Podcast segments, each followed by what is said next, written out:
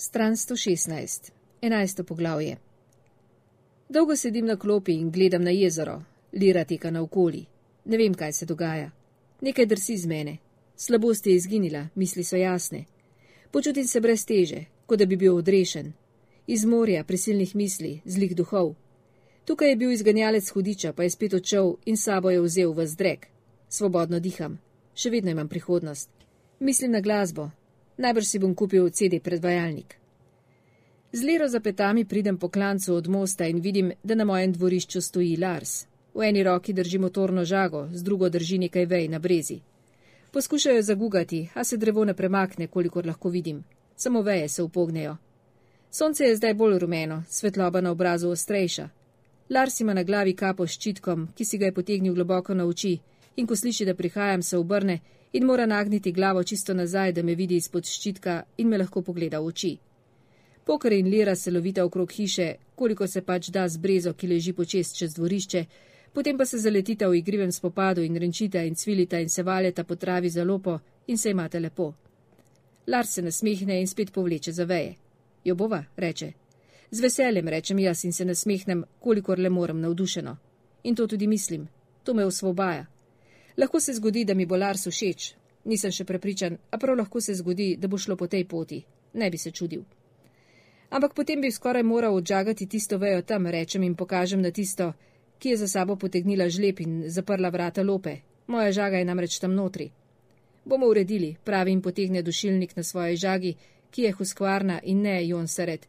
In tudi to na smešen način osvobaja, kot da počneva nekaj, če se v resnici ne smeva, ampak veva, da je resnično zabavno in on nekajkrat požene žago in spet zapre dušilnik in trdno prime za vrvico, in ko potegne, hkrati spusti žago v roki in začne prijazno brneti, in en, dva, tri je veja proč in razžagana na štiri polena.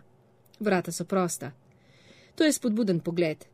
Žlep potisnem v stran, grem noter in vzamem svojo žago, ki stoji na stolčku, kamor sem jo postavil, in vzamem tudi rumeno posodo z benzinom.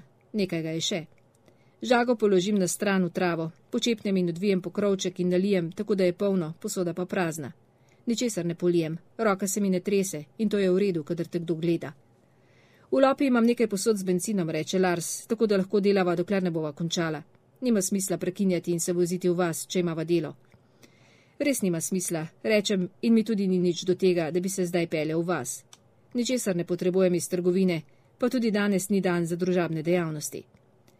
Poženem Jonseret in k sreči mi uspe v prvem poskusu in lotiva se breze, Lars in jaz, vsak svojega konca. Dva nekoliko okorna moška v šestdesetih, z naušniki proti silovitemu tuljenju dveh žak, ki se potopita v drevo na glavi, in sklanjava se nad njo in drživa roke stran od telesa, da smrtno nevarna veriga ostane pod nadzorom najne volje, ne midva pod žaginim, in najprej odžagava veje in jih odrežava čisto pri deblu, in jih razdeliva na primerne kose in odžagava vse, česar ne moremo uporabiti za drva, in pograbiva odpadke skupaj na poseben kup, ki ga bova lahko pozneje zažgala in napravila kres v novembrski temi. Lepo je videti Larsa, ko dela. Ni hiter, je pa sistematičen in ob brezovem deblu se žaga v rokah premika bolj elegantno kot na cesti s pokarjem. Moj vzorec se naleze njegovega vzorca in tako je navadno z mano. Najprej gib in potem razum, kajti čez nekaj časa je jasno, da se sklanja in premika in časih zvija in naslanja na način, ki logično temeli na ravnovesju med težo telesa in privačno silo verige na žagi, ko zagrabi deblo. In vse to zato, da žagi kar se da olajša pot do cilja, s kar najmanj nevarnosti za človeško telo, ki je tako odprto vsemu. V nekem trenutku močno in nepremagljivo, potem pa pride udarec in se nenadoma razleti na koščke, kot se lutka razleti na koščke, in potem je vse končano in zavedno uničeno, in ne vem, ali tudi on razmišlja tako, Lars, ko s tako samoumevnostjo upravlja žago. Najbrž ne. Jaz pa to počnem večkrat, ne morem pustiti primeru, ko se me enkrat loti in zato nisem prav hiter. Ampak vseeno ni nič hudega, navajen sem tega. Ampak pripričan sem, da je njegova mama razmišljala tako, ko je veslala za svoje življenje na vzgor po reki pozno jeseni leta 1944. Lars pa se je prekupicoval po kuhinji s svojim bratom dvojčkom Odom in ni vedel nič o tem, kar se je dogajalo okoli njega in k čemu to lahko pripelje, in je vedel, da bo čez tri leta ravno Oda odstrelil iz življenja s puško starejšega brata Jona in raztreščil njegovo telo na koščke. Nihče ni mogel vedeti tega, in zunaj je bil še vedno dan, na zasneženih poljih je ležala jekleno siva svetloba, in na reki se je njegova mama poskušala delati, da je to samo še ena pot na planšarijo. Lahko si predstavljam.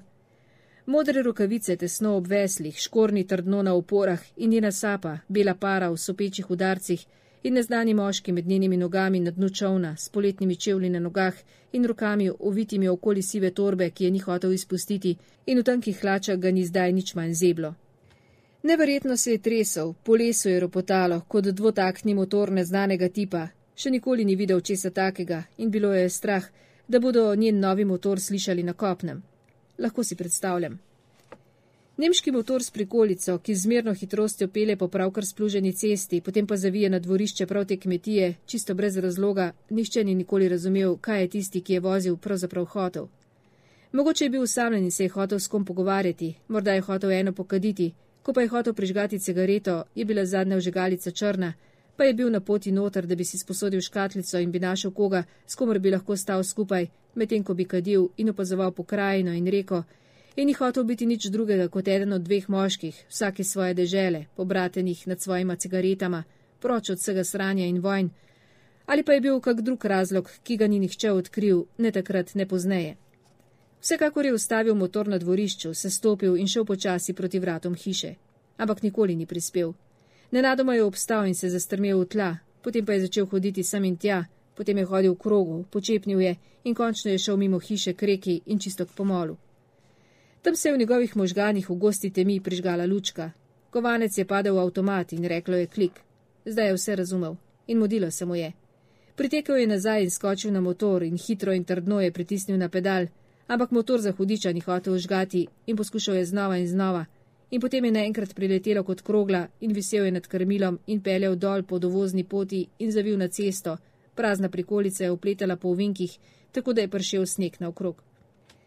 In natančno na tem uvinku je prišel Jon, ki se je vračal iz šole šolsko torbo v roki in slišal je motor, ampak ni mogel narediti nič drugega, kot da se je vrgal v jarek, da ga motor ni povozil in morda do smrti pomečkal.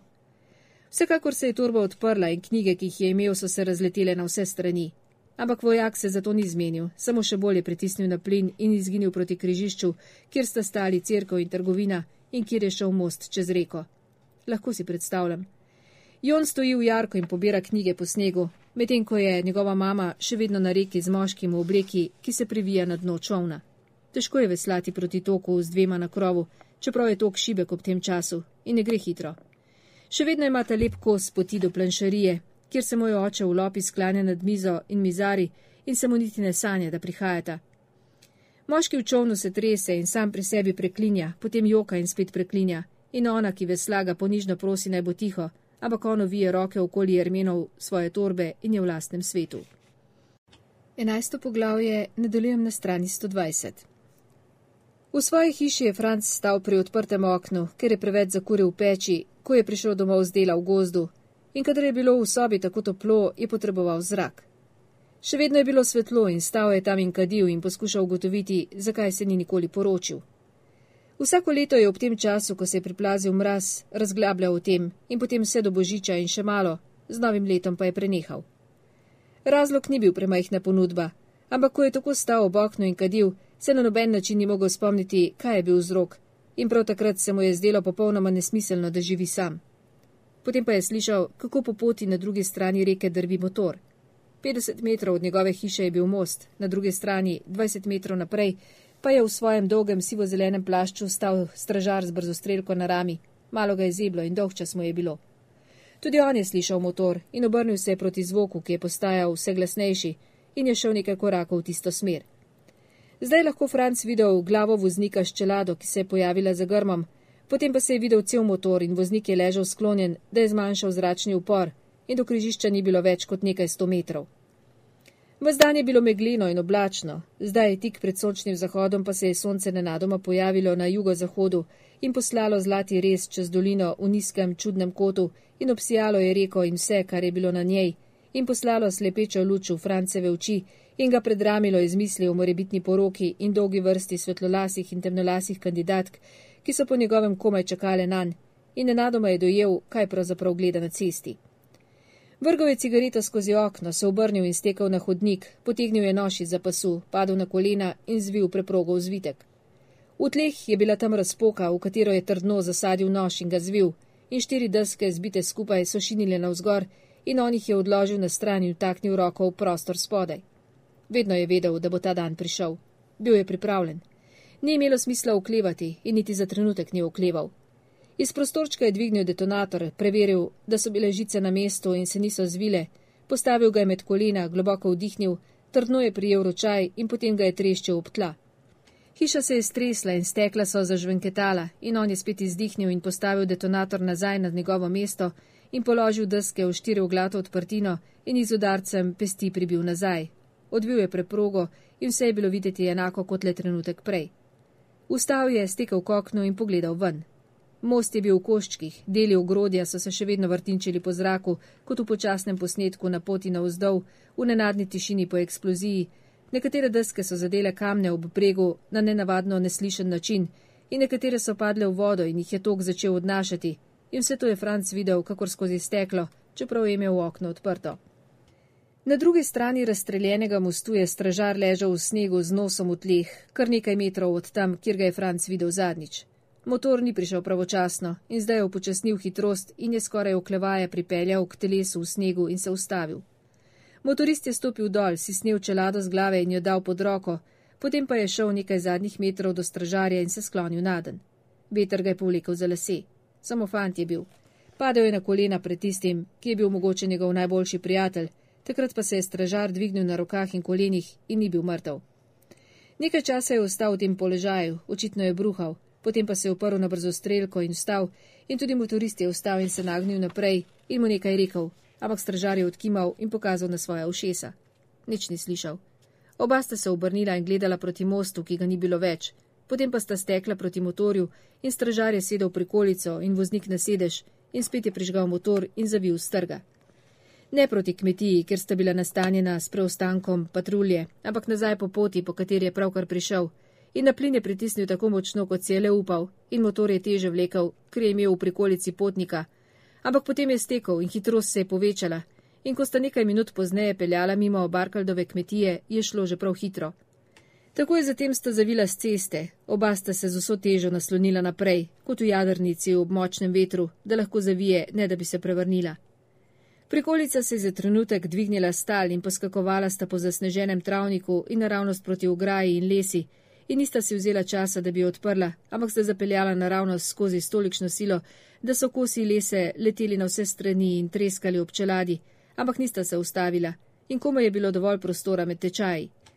In potem sta peljala po travniku, čisto zraven bodeče žice, drogovi ograje so tik takali mimo njiju, motor je poskakoval in opletal z ene strani na drugo, če šope trav proti reki in po stezi, po kateri je hodil oče, kadar je šel v trgovino in po pošto, in kjer sem hodil tudi jaz, samo štiri leta pozneje s svojim prijateljem Jonom, ki je nekega dne preprosto izginil iz mojega življenja. To pa zato, ker je njegov brat odstrelil njegovega drugega brata iz njegovega življenja s puško, ki jo je on, Jon, pozabil zavarovati. Takrat je bilo sredi poletja in on je bil varuh svojih bratov in v enem trenutku se je vse spremenilo in razdejalo. Na drugi strani reke je Jonova mama pravkar zaveslala čovn k bregu poleg tistega, ki ga je navadno uporabljal moj oče, Skočila je na kopno, da bi ga zvlekla nekoliko na breg, kar je bilo potrebno, da ga ne bi zagrabil tok in ga morda odnesel na drugo stran, kjer bi bilo boljše, da ga ne bi bilo. In moški v obleki se je nepotrpežljivo dvignil in napačno poskusil skočiti ven, preden je končala. To se je slabo končalo. Ko je potegnil zaklun, je padel naprej in z glavo udaril v eno od klopi, ker se ni ujel z rokami, ki jih je še vedno sklepal okoli torbe. Zdaj je šlo že na jog. Pa porka Madonna, a ne moreš narediti prav nič tako, kot je treba, je zaupila. Ona, ki je vsem svojem življenju izgovorila komaj kakšno kletvico in seveda je vedela, da ne bi smela upiti, ampak se ni mogla zadržati.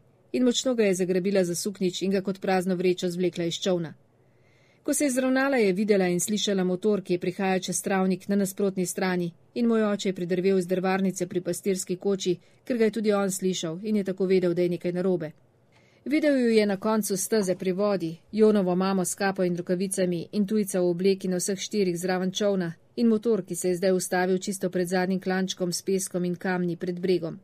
Vstani je zakričala Jonova mama v uho moškega obleki in on se je potrudil in ona ga je vlekla za suknič in fant v nemški uniformi je zaupil. Halt, ko se je spuščal po brežini stražarjen za petami in ali je mogoče, da je zaupil tudi roteči prosim v nemščini. Franc je mislil tako, bil je posem prepričan. Bite, bite, je menda zaupil mladi vojak. Vsekakor sta se ustavila ob robu in nista hotela v vodo. Bila je premrzla, bila je pregloboka. Če bi plavala čez, bi bila nekaj časa nemočni tarči, pa še na drugi breg bi zaradi toka prišla precej niže, čeprav tok v tem letnem času ni bil zelo močan, je bil dovolj močan. Za njima je na hribu stal motor in sopel kot zadihana žival, in zram sta snela brzostrelki in moj oče je zaupil: Teci za Boga! In je sam začel teči dol, k reki med drevesi, ki jih še nihče ni žrtvoval za sečnjo, in uporabil jih je zato, da je tekel v cikcaku in se skrival za debelimi debli, in prav takrat sta vojaka na drugi strani začela streljati. Najprej upozorilni strel nad glavama onih dveh, ki sta se čisto prepočasi premikala od čovna in slišala sta, kako krogle udarejo ob debla z uničujočo silo in čisto posebnim zvokom, ki se ga je stalno spominjala, je pozneje rekla Jonova mama. Nikoli je nič ni tako prestrašilo kot ta zvok, bilo je, kot da bi smreke zastokale, potem pa sta streljala zares in moškega v obleki sta zadela takoj. Temni suknič je bil dobro vidna tarča na belem bregu in izgubil je torbo, padel je naravnost naprej v sneg in rekel sam pri sebi in tako potiho, da ga je Jonova mama komaj slišala. A, se sem vedel. In potem je začel drseti nazaj na vzdolj po bregu, mimo zvitega borovca, ki je visel čez reko, in ni se ustavil, dokler ni en poletni čevelj pristal v vodi. Takrat sta ga zadela še enkrat in takrat ni rekel ničesar več. Moj oče se je ustavil zraven v zavetju smreke. Zaupil je vzemi torbo in pridi sem. In Jonova mama je z modro rokavico potegnila sivo torbo in sključena stekla gor v cikcaku. In morda sta zato, ker nista še nikoli prej nikogar ubila, vojaka začela streljati manj zauzeto ali zato, ker je bila ženska. Streli, ki so prihajali, so bili na vsak način bolj zastraševalni in Jonova mama je odnesla celo kožo po stezi in potem skupaj z mojim očetom do koče. Stekla sta noter in pobrala najpomembnejše in dokumente, ki jih je skrival oče. Skozi okno sta videla dva avtomobila, ki sta z veliko hitrostjo z ceste pripeljala čez travnik in vojake, ki so poskakali dol in stekli proti reki. Oče je stlačil vse, kar sta potrebovala, v torbo moškega v obleki in jo zavil v belo rjuho. Potem sta zlezla skozi okno nad zadnji strani in oblečena v očetovo zimsko dolgo belo perilo, čez druga oblačila sta zbežala, skoraj z roko v roki, na Švedsko. Sonce je odjadralo naprej in v modri kuhinji ni bilo več tako svetlo in kava v moji skodelici je bila mrzla. Zakaj mi to pripoveduješ, če pa oče noče govoriti o tem, sem rekel. Ker me je prosil, naj ti povem, je rekel Franc, ko bo priložnost. In zdaj je bila.